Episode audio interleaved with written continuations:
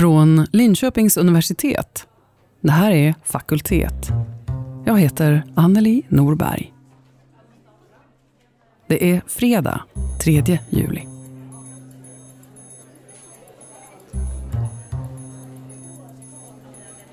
Att älska platsen man kommer ifrån men samtidigt inte kunna tänka sig att faktiskt själv bo där. Det blir allt vanligare. Unga flyttar för att studera, för att få fler möjligheter. Så blir de kära, så får de barn och sen kommer de helt enkelt inte tillbaka. Oavsett hur mycket hemkommunen lockar och pockar.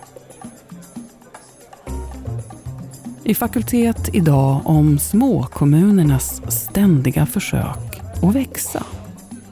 Men varför är det så viktigt? Vad är det med den här normen att fler och större alltid är bättre? man flyttar inte från, från, från Södermalm till Ydre utan man flyttar kanske så att man får en halvtimmes eller 40 minuters pendlingsväg. Det här är Josefina Syssner, biträdande professor i kulturgeografi vid Linköpings universitet och verksam vid Centrum för kommunstrategiska studier. Det är ett nationellt centrum för just strategisk kommunforskning. Just den här dagen i februari, strax innan coronapandemin, så föreläser hon för ett 50-tal kommunledare och politiker.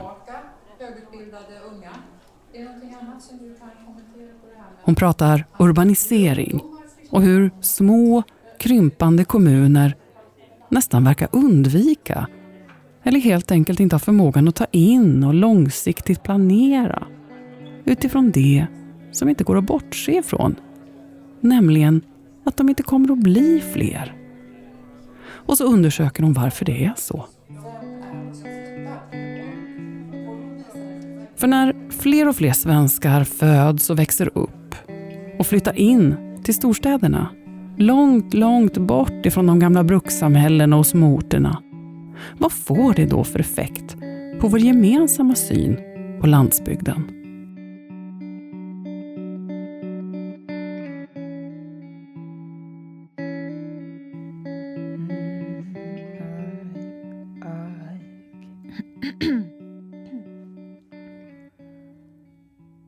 Ark Värmeland, du sköna, du hör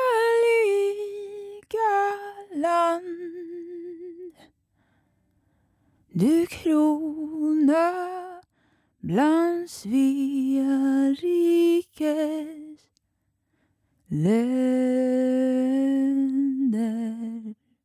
Jag heter Rebecka Westling bor numera i Norrköping och pluggar miljövetenskap. Jag växte upp i Brunnskog utanför Arvika. En liten, liten, liten ort. Där gick jag i skolan upp till högstadiet. Sen flyttade jag in till stan. Mina föräldrar heter Leif och Susanne. Och eh, Susanne är egenföretagare och äger en frisörsalong i Arvika Många skulle nog säga att det är den bästa frisörsalongen i Arvika. Eh, och min pappa jobbar inom industri och har alltid gjort det. Det är Vincent Messenger, student vid programmet Kultur, samhälle, mediegestaltning vid Linköpings universitet som har träffat Rebecka. Hur ser Arvika-borna på sin hemstad? Jag tror det varierar. Mm, alltså, jag vet ju, jag vet ju jättemånga som, som trivs. Och så. Inte så många av dem, de flesta av mina kompisar har ju flyttat därifrån. Men de som är kvar är ju i alla fall några av dem för att de trivs och är det frivilligt. Um, men sen tror jag många bara ser det som, som ett måste. Att de är där för att de alltid växte upp de har fått ett fast jobb inom vården. De har fått ett fast jobb på Volvo. De skulle vara dumma som sa upp sig och faktiskt gjorde något de ville göra istället. Jag antar att det måste ha funnits någon slags rädsla för dig att vara, att vara en som blir kvar? Eller? Absolut. Absolut.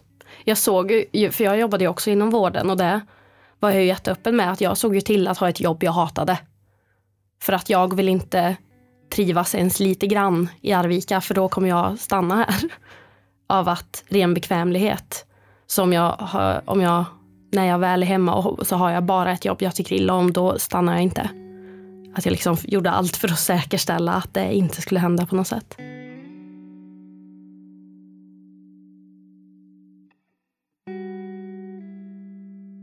Alla andra försvann ju på något sätt.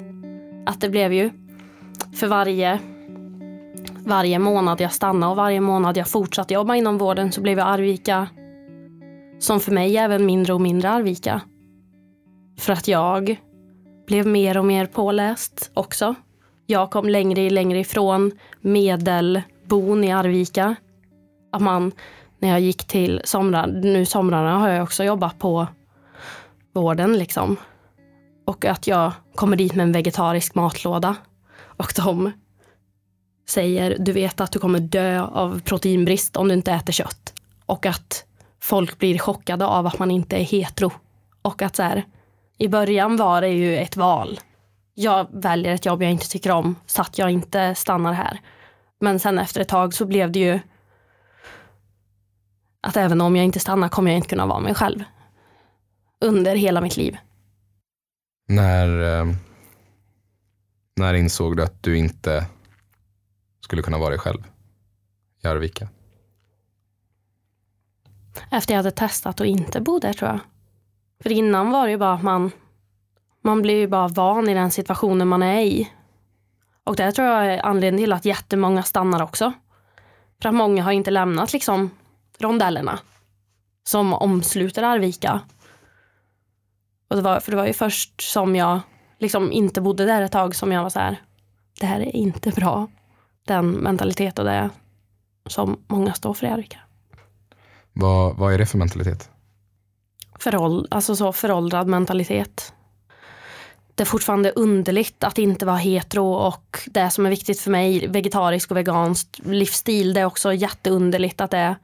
Och det blir jag också väldigt bortskämd med nu, att jag umgås med endast likasinnade nästan.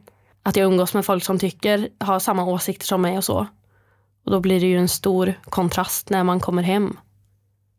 Och så blev det ju första gången jag lämnade Arvika också. Att man hamnade helt plötsligt med folk som kände och tyckte lika som mig och sen kommer man tillbaka och inser att det här var ju inte bra. Hur, eh, med din familj, hur, hur passar de in i den här Arvika mentaliteten? Står de innanför de ramarna eller är de utanför? Min närmaste familj har jag nog tvingat ut ur de ramarna skulle jag säga. Ehm, jag har ju absolut familj som fortfarande är det. Som är längre bort. Som.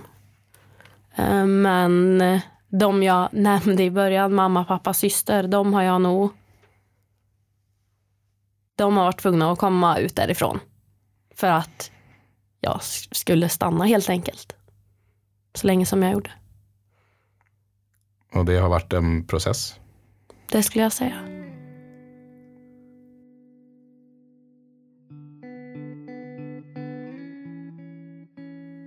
Det finns ju en, en sägning som heter att vi är dömda att upprepa våra föräldrars misstag. Att vi, så här, vi, vi, vi liksom spenderar hela livet att inte försöka vara som dem. Och sen i slutändan så blir vi som dem någonstans. Uh, har det haft en, en uh, inverkan på ditt beslut att lämna Arvika? Att du inte har velat bli som dina föräldrar? Det tror jag. Absolut. Att jag har varit en skitunge som jag tänker aldrig göra någonting likt vad min mamma har gjort. Eh, huvudsakligen. Att jag också varit jättemedveten om det. Att jag direkt min mamma säger att hon gillar något så hatar jag det automatiskt. Um, så det tror jag absolut. Så där någonstans ligger din rädsla? Inte längre. Skulle jag inte säga. Men den gjorde det? Mm. Har du uttryckt till dina, dina föräldrar att du liksom inte vill bo i, i Arvika? Mm, ja, det gjorde jag i julas. berättade jag det. Men det vet de ju om egentligen. Men det har de ju förträngt. Men de började ju fråga när jag skulle börja söka sommarjobb i Arvika och så. så det var ju... Då behövde de ju inse att hörni, jag kommer faktiskt aldrig bo i samma stad som er igen. Om inte ni flyttar.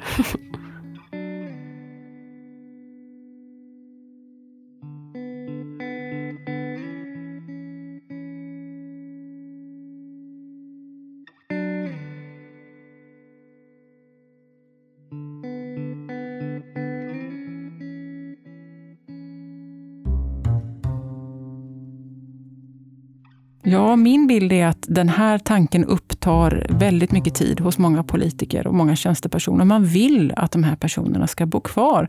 Och man vill kanske ännu hellre att de ska eh, kanske åka iväg och plugga några år, men sen komma tillbaka när det är dags att bilda familj. Och den här önskan skulle jag vilja säga att den hittar jag i varenda kommun som jag besöker. Så finns den här önskan om att Rebecka och andra unga människor ska antingen vilja bo kvar eller komma tillbaka. Eh, men man kan ju säga att där är konkurrensen är hård om de här unga som man vill ska flytta tillbaka. Och möjligheterna för eh, politiker och tjänstepersoner att påverka unga människors flyttbeslut är ju väldigt, väldigt liten. Är de medvetna om att deras chanser att påverka är så små? Jag tror att många eh, har nog en förhoppning om att om man gör lite platsmarknadsföring och lite inflyttningskampanjer och så, så, så kommer man att kunna sätta sig på kartan och då kommer fler förstå att den här kommunen är en fantastisk plats att bo på. Eh, tyvärr skulle jag vilja säga, för att det finns ganska lite som pekar på att den här typen av ska man säga, marknadsföringsarbete har effekter på var människor bestämmer sig för att bo någonstans. Man har inte rådighet över urbaniseringstrender och flyttmönster och så vidare. Däremot har man rådighet över vad gör vi med våra resurser? Hur organiserar vi oss? Eh, hur organiserar vi vår skola, vår socialtjänst och så vidare. Det kan man bestämma över som politiker. Men man kan inte bestämma över var människor väljer att bo. Av Sveriges 290 kommuner så har nästan hälften färre invånare idag än på 70-talet. Och det är de små och glesbefolkade kommunerna som minskar samtidigt som de stora bara blir större. Men det är de krympande kommunerna som Josefina Syssner forskar och skriver om. När tillväxtkurvorna pekar neråt och när resurserna blir mindre. Och när det kan leda till en rädsla för att tappa den kommunala självkänslan. Hon undersöker hur vi ser på platser, hur vi ser på lokal utveckling och hur vi tillsammans formar bilden av stad och land. Och hur en kommun faktiskt kan bli en plats att leva gott i, trots utflyttning och dystra siffror. Ja, när jag kommer till en kommun och träffar en politiker och en tjänsteperson så kommer jag dit i ett särskilt ärende oftast. Och då, det ärendet handlar ofta om att jag vill försöka förstå hur de ser på utveckling hur de ser på sin egen plats och hur de jobbar och hur de vill jobba med att skapa utveckling på den här platsen. Eh, och då har jag ingen förförståelse om vad utveckling är. Utan jag är intresserad av vad de ser som utveckling. Och jag har inte heller någon förutfattad mening om hur de borde jobba med utveckling, utan jag är intresserad av hur de jobbar och varför de har valt att göra som de gör. Men är det inte lite konstigt eh, ibland att komma till en kommun och prata om utveckling när du samtidigt ägnar dig åt krympande kommuner. Mm. Är inte det en krock där? Ja, och, och den, att man tycker att det är en krock bygger ju på, att, på en idé om att utveckling alltid handlar om att växa. Utan, men min uppfattning är nog den att utveckling kan vara många olika saker. Eh, man kan ha en plats som växer oerhört kraftigt och som dras med väldigt stora sociala problem. Sociala orättvisor, polarisering, eh, otrygghet och så vidare. Och då har jag svårt att se att ur mitt perspektiv, att det naturligt skulle kopplas samman med utveckling. Och på samma sätt så tänker jag att jag, man kan komma till en plats där man blir färre, eh, där befolkningen blir äldre, men som ändå utvecklas. Till exempel genom att människor känner sig trygga, eh, att man har en stor social gemenskap eh, på den här platsen. Att människor upplever att de får vara med och fatta beslut om hur resurserna används. Eh, det kan handla om att eh, man i kommunen är väldigt mån om att använda de resurser man har på ett bra sätt. Så att äldreomsorgen, eller skolan eller socialtjänsten kan utvecklas och, och bli bättre rent kvalitativt, även om man inte har mer jobb. Det låter ju som att det skulle stå emot varandra. Ja, ganska ofta så, så får jag ju den frågan. Och det är nog det som är den, har varit den största utmaningen i mitt forskarjobb de senaste ja, eh, sju, åtta åren. Eh, den här föreställningen om att en vikande, ett vikande befolkningsunderlag eller en krympande kommun per definition går tillbaka eller regrederar eller att det, är, att det blir sämre på alla fronter. Och jag har svårt att tro att det ska finnas någon självklarhet i det, att allt måste bli sämre. Eh, men det, finns, det är många samtal jag har haft med många politiker, många tjänstepersoner som är Eh, har väldigt svårt att, att, lämna tillväxttanken bakom sig, utan tror att, och tänker att, det, att tillväxt är en förutsättning för ett gott samhälle. Eh, och då tänker jag liksom lite grann så att om alla platser ska växa alltid, då blir det snart en väldigt överbelastad planet. Så min utgångspunkt är att vi måste nog kunna ha politik och policies och planering för platser som växer och för platser som krymper det vore jättesorgligt om vi sa att, att så länge inte alla platser växer så får vi stå ut med att det är dåligt på de platserna som, som minskar. Har du något exempel på där det fungerar riktigt bra? Då? Ja, det finns ju flera små detaljexempel naturligtvis. Men, men det som vi har varit intresserade av det är ju kommunernas förmåga att greppa den här situationen. Kommunernas förmåga att tänka anpassning och omställning. Eh, och där ska jag säga att där finns det liksom inte riktigt någon kommun som är bäst i klassen. Eh, kommunerna är ganska dåliga generellt, skulle jag säga, på att eh, jobba med att ställa om till att man är färre invånare. Sen så finns det naturligtvis många kommuner som gör bra saker och där medborgarna tar ett stort ansvar och där man har jobbat med att hitta nya sätt att organisera skolan och så vidare. Men det är mer, tänker jag, exempel på randen. Jag är mer intresserad av det stora övergripande ledningsperspektivet. Men generellt sett, hur, hur måste man anpassa sig då? Ja, det handlar ju om, eh, det handlar inte om punktinsatser. Det, det handlar om att, eh, jag brukar säga att det första man ska göra det är att förstå nuläget. Vad har vi för förutsättningar? Eh, vilka människor är det som bor här? Vad har de för servicebehov? Vad har de för förväntningar på oss som kommun? Och vilka resurser har vi? Eh, hur kan vi påverka de här resurserna? Att ha den grundläggande eh, nulägesbeskrivning är jätte, jätteviktigt. Och sen så behöver man ju också sätta upp någon slags idé om vart, var vill vi vara då? Alltså vad vill vi vara som organisation? Och då handlar det om att, att eh, kanske inte sätta sådana här mål som att vi ska vara 10 000 invånare om fem år, eller vi ska vara, växa med 200 varje år, för det är väldigt svårt för en kommun att påverka. Utan målen skulle snarare kunna vara att vi vill ha en skola där barnen är trygga. Eh, vi vill ha en, ett välfungerande arbetsliv för våra eh, medarbetare i äldreomsorgen. Eller eh, vi vill vara duktiga på att samarbeta med våra grannkommuner. Så den typen av mål kan man ju sätta upp. Och när man börjar jobba på det sättet, då förstår man att det här med att ställa om en organisation, det är liksom inte en checklista med liksom små liksom så här, rutor som man kan kryssa i och tänka att det här gör vi på onsdag och sen gör vi det här på torsdag. Utan det är liksom ett, ett gnetjobb, ett långsiktigt arbete som handlar om att hela tiden ha koll på både vilka förutsättningar man har, men också vart man vill.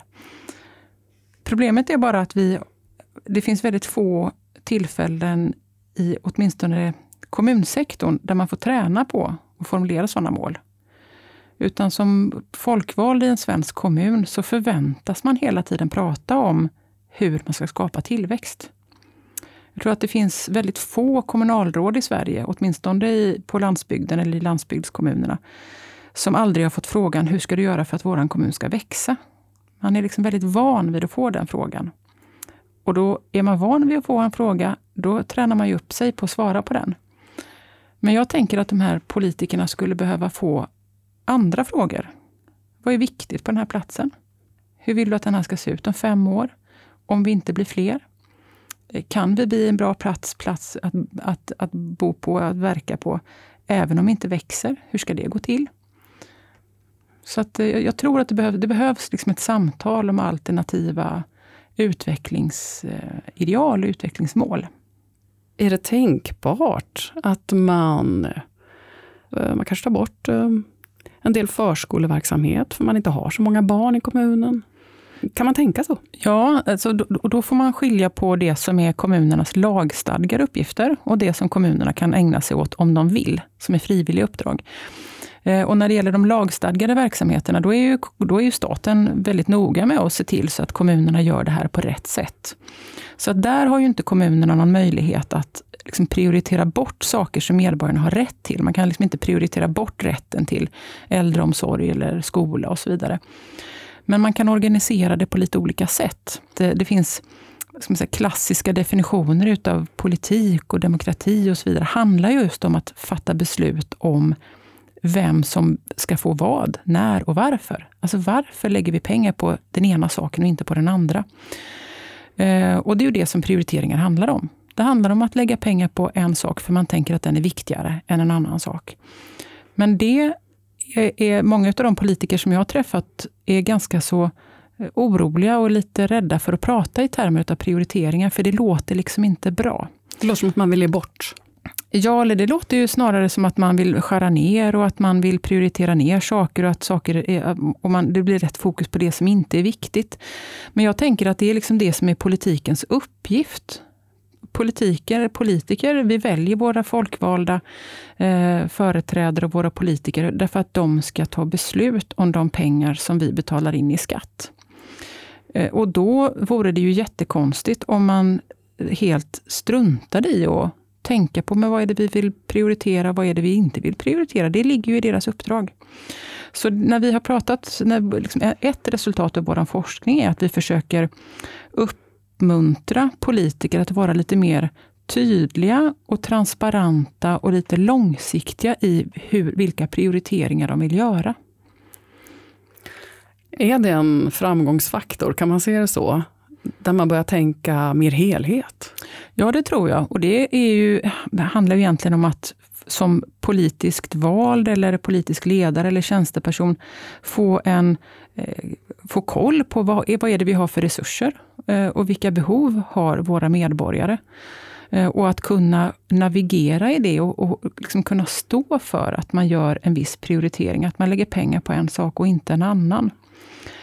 Så det tycker jag är en väldigt viktig och grundläggande sak som de här kommunerna, alla kommuner, alla folkvalda behöver ha den kunskapen. Men framförallt i de här kommunerna när man får färre och färre resurser. Alltså när, när pengarna tryter. Då behöver man verkligen tänka efter vad, vad är viktigt för oss här och nu. För att om man inte fattar de besluten utan bara tänker att ja, men vi skär i budgeten med 2,5 procent eller 3 procent ja då är det ju de som jobbar i verksamheten som får ta den smällen. Eh, och som får göra sina prioriteringar. Antingen springa fortare eller eh, göra färre uppgifter och då bestämma själv vilka uppgifter man ska göra. Så jag tänker att det här med prioriteringar är en jätteviktig demokratifråga.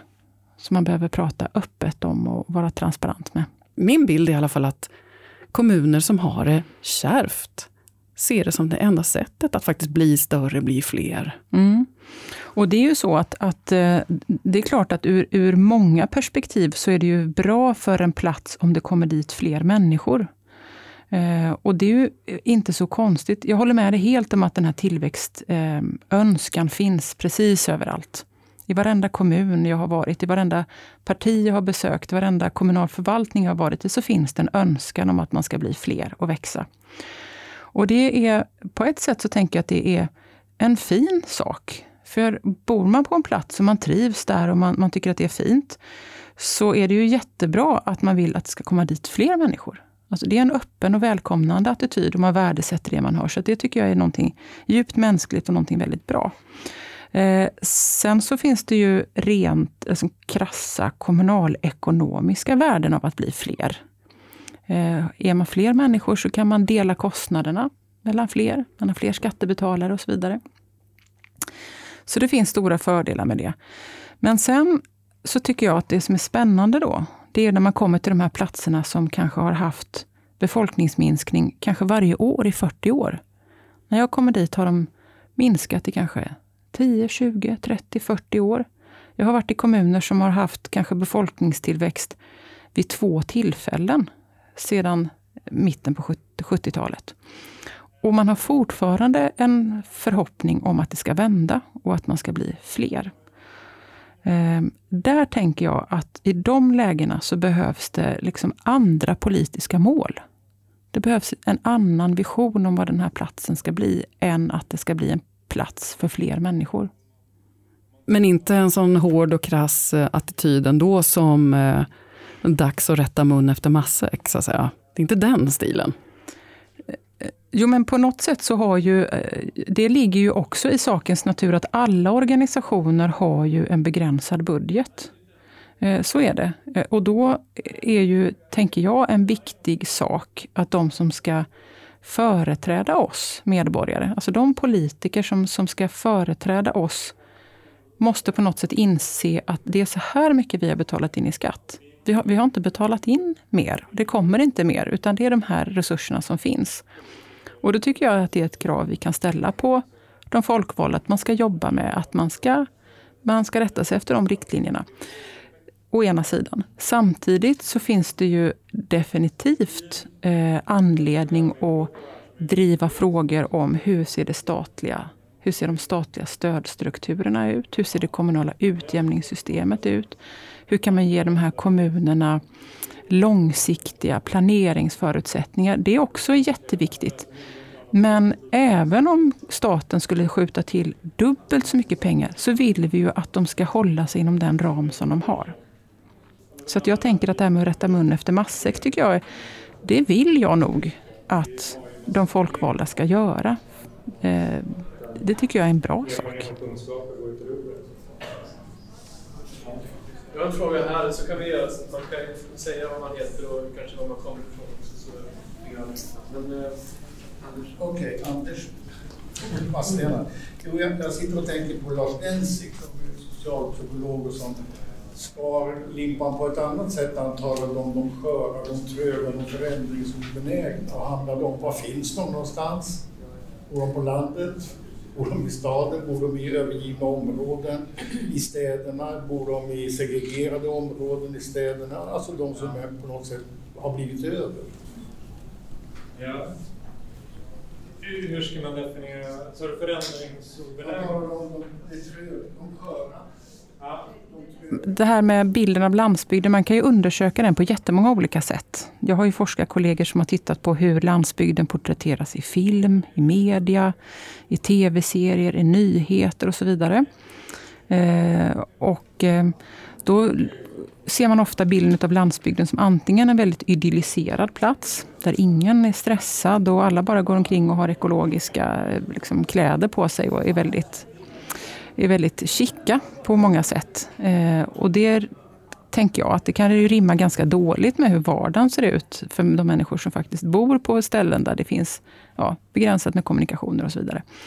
Men sen så finns det också ibland en bild av en landsbygd som är väldigt eh, eftersatt och, och, lite bakåtsträvande och, och eh, nedläggningshotad och så vidare. Och den bilden är också eh, väldigt stereotyp och verkligen möjlig att ifrågasätta. Ehm, det som jag har gjort i en, en studie nyligen var att jag bad ett antal landsbygdsutvecklare att definiera vad är landsbygd för dig? Vad, hur skulle du vilja beskriva det? Och Det som var tydligt då, det var att det var väldigt många utav de som ändå jobbade med landsbygdsutveckling som pratade om landsbygd som någonting som inte är som stan. Det var många som sa så att ja, men landsbygd är allt som är utanför stan.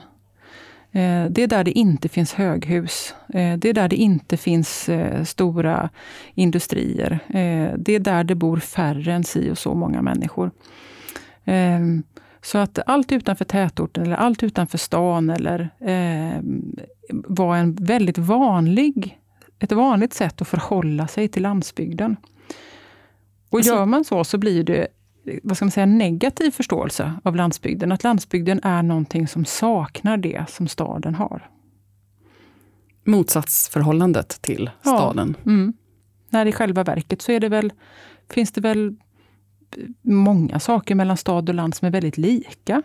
Eh, och det handlar framför allt väldigt mycket om gradskillnader. Det, finns väldigt, det är verkligen en sak att bo på en, i en stadsnära landsbygd där man kanske åker buss i eh, en kvart och sen är vi resecentrum. Eh, det är något helt annat än att bo på ett ställe där man kanske får köra 45 minuter för att komma till en affär. Men bilden av staden då? Hur, hur leder den? Ja, den är ju, eh, det beror ju också lite grann på var man tittar någonstans. Och jag tänker att det finns också många olika sorters bilder av staden. Men eh, en invändning som väl jag har haft när det gäller i den här landsbygdsdebatten som har varit de senaste åren är att de som jag uppfattar som landsbygdsföreträdare ger ibland en väldigt homogen bild av stan. Som om staden vore en sak.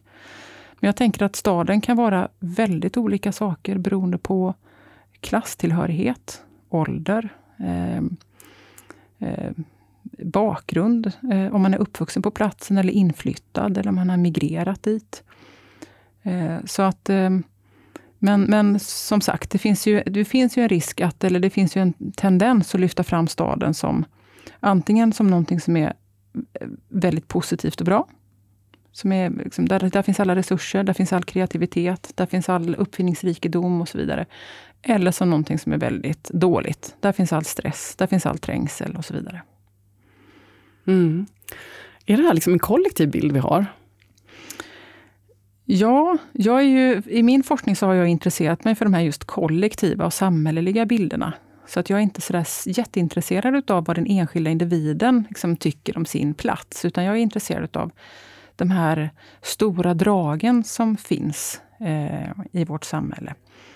Eh, och i de här, i, vad ska man säga, i samhällsdebatten och vad ska man säga, i, framförallt i de, i de utvecklingspolitiska sammanhang där jag har rört mig, där har ju det varit väldigt tydligt att det finns en urban norm. Att det finns en väldigt tydlig uppfattning om att täta geografier, där många människor samlas, att det är en mycket stor fördel ut, ur ett utvecklingsperspektiv. Eh, har vi några mer frågor härifrån? Jag heter Sara August jobbar i Vingåkers kommun. Ehm, I debatten så låter det ändå väldigt ofta som att eh, man tänker att eh, de är konservativa eller sverigedemokratiska väljarna finns på landsbygden eh, och eh, ja, de andra i, i städerna. Varför, alltså varför landar vi ofta i det det slut, den slutsatsen i debatten om det typ inte är så? Eh, alltså de är ju starkare på landsbygden. Så tror jag också att den här idén om att vi människor är mobila har påverkat synen på vad landsbygden är eller kan vara. Eh, för vi förväntas ju just vara mobila. Vi förväntas vara beredda att pendla. Vi förväntas vara beredda att åka ganska långt för att få service på vissa platser. Och vi förväntas också som unga eh, vara beredda att flytta på oss eh, när vi, om vi vill studera. Och alla de här flytt och inflyttningskampanjerna som finns och mycket av den här kommunala marknadsföringen, den bygger också på en föreställning om att människor är beredda att flytta till en plats som man kanske inte innan har någon anknytning till. Så det finns en föreställning om oss människor som rörliga och mobila som, som jag tror har påverkat bilden av landsbygden och landsbygdens förutsättningar. Tror du inte att det är någonting som unga vill? Då bara helt enkelt? Ja, jag tror att det finns nog de som vill det. Och sen så ibland så är det svårt att skilja mellan vad är, vad är, vad är individens vilja och vad är, liksom, vad är individens preferens och vad är det för förväntningar som finns runt om i samhället. Och där finns det ju, har jag ju forskarkollegor som har tittat på just hur unga människor uppfattar att vilka, vilka förväntningar som unga människor tycker att de möter. Eh, och där finns det, och en del av den forskningen pekar ju mot att eh, unga upplever att de förväntas flytta och röra på sig. Och gör man inte det så uppfattas man som lite misslyckad. Så det, jag tycker att det är lite svårt att skilja på det här med vad man vill och vad man eh, gör för att man tror att det förväntas av en. Och det kanske också påverkar hemkommunen. Då blir den också lite misslyckad, därför att eh, unga flyttar därifrån. Ja, och det är ju någonting som jag tycker att jag möter i nästan varenda intervju jag har haft med politiker och tjänstepersoner i de här krympande kommunerna. Att man är oerhört rädd för att prata om detta, för man är rädd för att man ska uppfattas som en förlorarkommun, som en plats som ingen vill vara på. Och, som, och på många ställen så är det till och med så att man helst inte vill prata om detta. För att om det är så att det uppdagas att man är en plats som har ett negativa flytttal, då är man rädd för att man ännu mer ska förknippas med sorgliga saker som utflyttning och, och så. Och att det i sin tur ska bli en spiral. Precis. Bara för att man pratar om det så blir det så. Ja. Coronapandemin då? Hur påverkar den de här tankarna kring land och stad? Ja, plötsligt har storstäderna gått från att vara attraktiva, kreativa, produktiva hubbar till att bli riskområden. Där människor trängs ökar smittriskerna. Den har också fått oss att inse hur beroende vi har gjort oss av andra länder. Den har fått oss att blixtsnabbt ställa om och bli digitala. Vi jobbar och pluggar och vi fikar tillsammans via skärm. Och det här det kan förstås vända upp och ner på en hel del som vi hittills bara tagit för givet, menar Josefina. När eh, coronapandemin var ett faktum så kunde jag inte låta bli att fundera på men vad innebär det här för alla de idéer och tankar och synsätt som vi människor har när det gäller landsbygd och landsbygdens framtid. Och då finns det ju flera saker som har hänt nu i vår som, som skulle kunna påverka bilden av landsbygden. Men om det kommer att göra det, det är ju alldeles för tidigt för att säga. Men en sån sak som har dykt upp är ju eh, Eh, en, vad ska man säga, globaliseringskritisk hållning till hur vi försörjer oss själva med läkemedel och livsmedel och medicinsk utrustning till exempel. Eh, vi har ju sedan många, många år tillbaka, flera decennier tillbaka, ett system som bygger på att vi får eh, livsmedel, och läkemedel och medicinsk utrustning genom utbyte med andra länder. Eh, och en sån sak som var väldigt tydlig nu under, under coronapandemin var ju att man började oroa sig för Kommer vi få den medicinska utrustning som vi behöver? Kommer vi, har vi de läkemedel som vi behöver? Kommer vi att få de livsmedel som vi behöver för att klara vår överlevnad? Och bara den frågan tror jag kan leda till eh, en annan bild av hur vi, hur vi vill att jordbrukspolitiken ska se ut. Eh, hur vi ser på hur, hur småskalig tillverkningsindustri skulle kunna vara en jätteviktigt stödben till större industrier till exempel. Så det är en sån sak som jag tänker skulle kunna göra att man ser på landsbygden som en resurs på ett annat sätt än vad man har gjort under de senaste decennierna kanske. Så att globaliseringen får sig en knäck kan man säga, kan vara en vinst för eh, Ja, för, för inhemsk produktion, för svensk landsbygd. Ja, det skulle kunna bli så. Det skulle kunna vara så att, att eh, tanken på globaliseringen som någonting vad ska man säga, oproblematiskt, att den tanken får sig en törn. Eh, och att, man, att flera människor då börjar tänka i termer av någonting annat. Eh, och sen så kan ju det här någonting annat, det kan ju vara någonting väldigt eh, vad ska man säga, någonting som vilar på en idé om självförsörjande och lokal produktion och ekonomisk hållbarhet. Men det kan ju också bli någonting som vetter åt ett väldigt annorlunda håll. Alltså isolationism och nationalistiska strömningar och så vidare. Så, och det vet vi inte än, var vi landar. Nej. Tror du att de här flyttmönstren också kommer att ändras? Det är också jättespännande och det ska bli väldigt spännande att se för att eh, en sak som vi har lärt oss den här våren är ju att om staten säger åt svenska lärosäten att undervisa på distans, då gör svenska lärosäten det. Det är otroligt många lärare som verkligen har eh, slagit knut på sig själva för att eh, erbjuda sina studenter eh, distansundervisning. Många är otroligt trötta och jag tror att kvaliteten, måste vi nog säga, den, den blir annorlunda. Den blir inte densamma. Framförallt inte när man har så kort förberedelsetid. Men vi har sett att det går.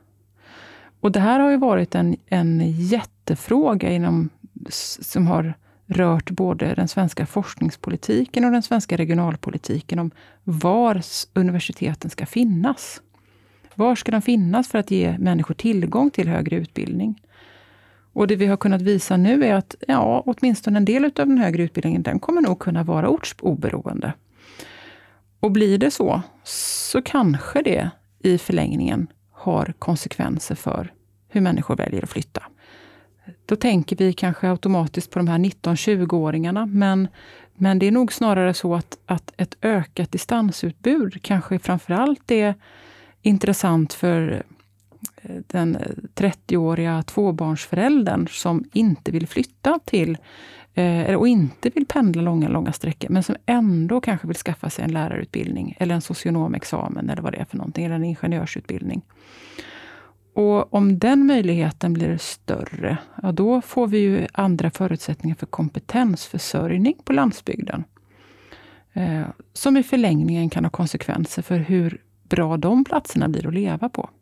Så jag tänker att, att vi kan se, hoppas på att digitaliseringen löser en del av landsbygdens problem. Jag tycker också att man ska fundera på vad som händer med det här ja, med civilsamhället och med vad som händer med en plats och med de gemenskaper som finns på en plats om, om allting plötsligt blir ortsoberoende.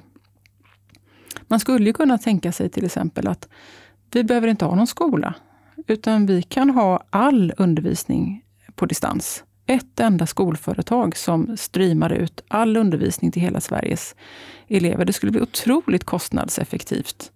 Men om man gör den tankefiguren så ser man ju snart att det där skulle ju få fruktansvärda konsekvenser för hela vårt samhälle.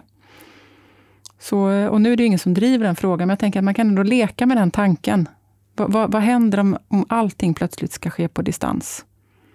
Eh, jag tror inte vi vill dit. Och att möta en lärare, möta andra elever, möta en bibliotekarie, möta en person som arbetar i affären, det spelar roll för oss som människor och det spelar roll för känslan utav tillhörighet och gemenskap.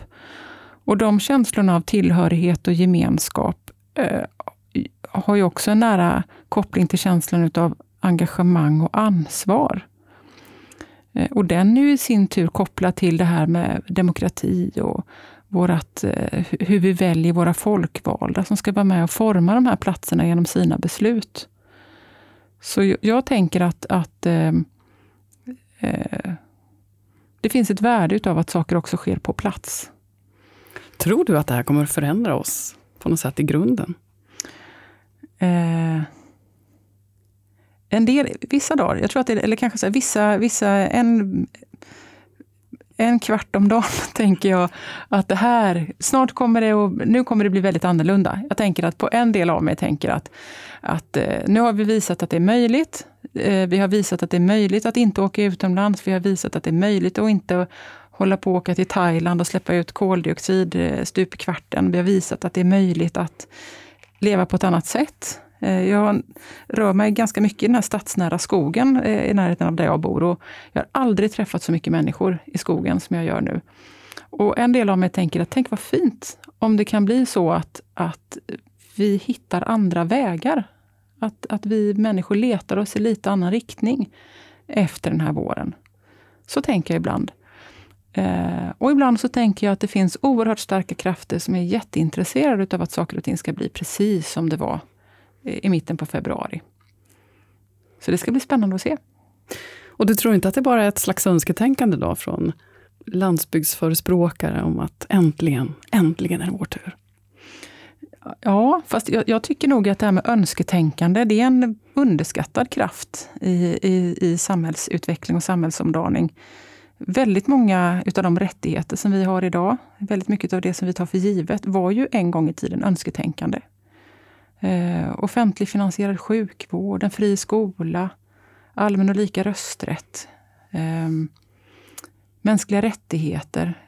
Väldigt, väldigt mycket har ju någon gång startat som ett önsketänkande hos någon eller några som fick kämpa ganska hårt för sina, sitt önsketänkande.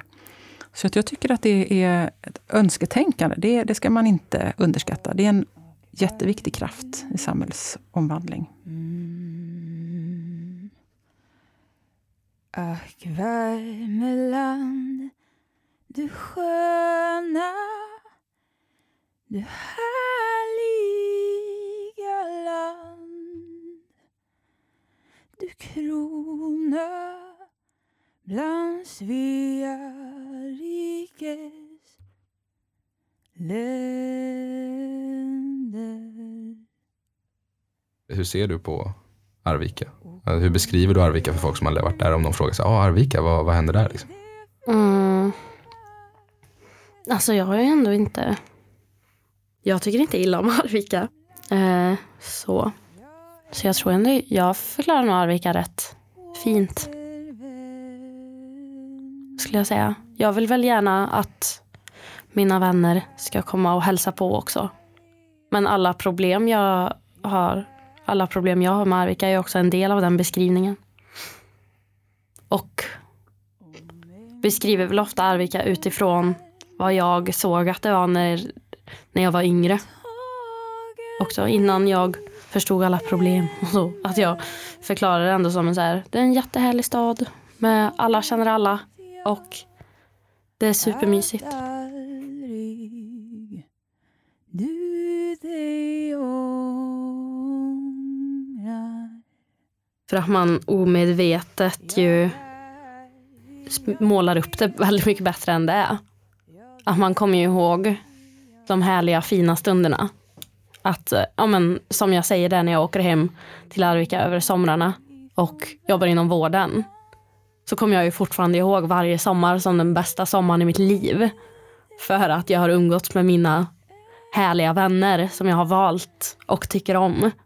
Eh, och skiter ju och förtränger det här alltså, småstadsmentaliteten som är där hela tiden.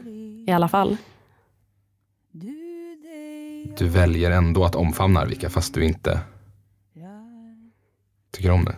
Förstår vad jag menar då? För att du behöver någon slags grund att stå på.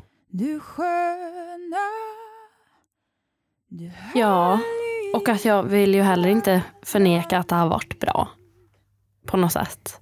För att det var ju väldigt länge så här ignorance is bliss. Att det var ju när, när jag inte visste, att man visste ju inte att det fanns något annat än det. Så att väldigt länge tyckte jag ju Arvika var super, superhärligt.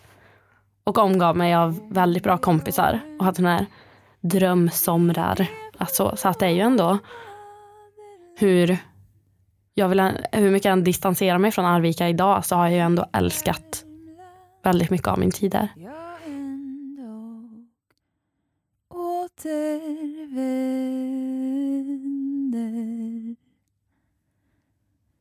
Ja, där vill jag leva. Ja, där vill jag dö. Det är att växa upp på något sätt. Men blir konstigt att se det hända på distans. Att det känns som att man inte är en del av att man växer ifrån det för att det händer ju så långt bort.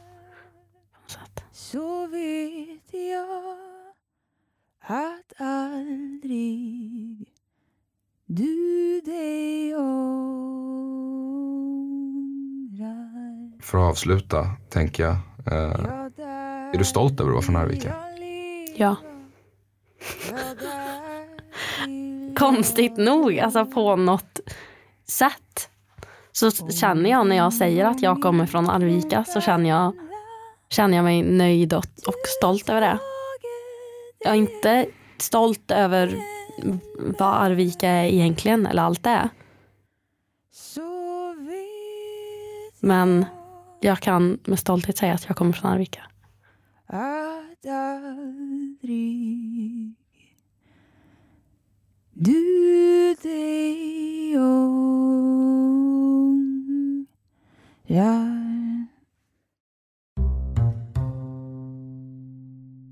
Anna Gildrim, musiker och artist och student vid programmet Kultur, samhälle, mediegestaltning vid Linköpings universitet som gav sin tolkning av Ack Värmeland du sköna. Och dessförinnan så fick du möta Rebecka Westling som läser miljövetenskap och Josefina Syssner, kulturgeograf och forskare vid Linköpings universitet. Och tack till Vincent Messenger, Ivar Norling och Jesper Svartnäs, även de studenter vid kultur, samhälle, mediestaltning för intervjun med Rebecka. Jag heter Anneli Norberg. Vi hörs!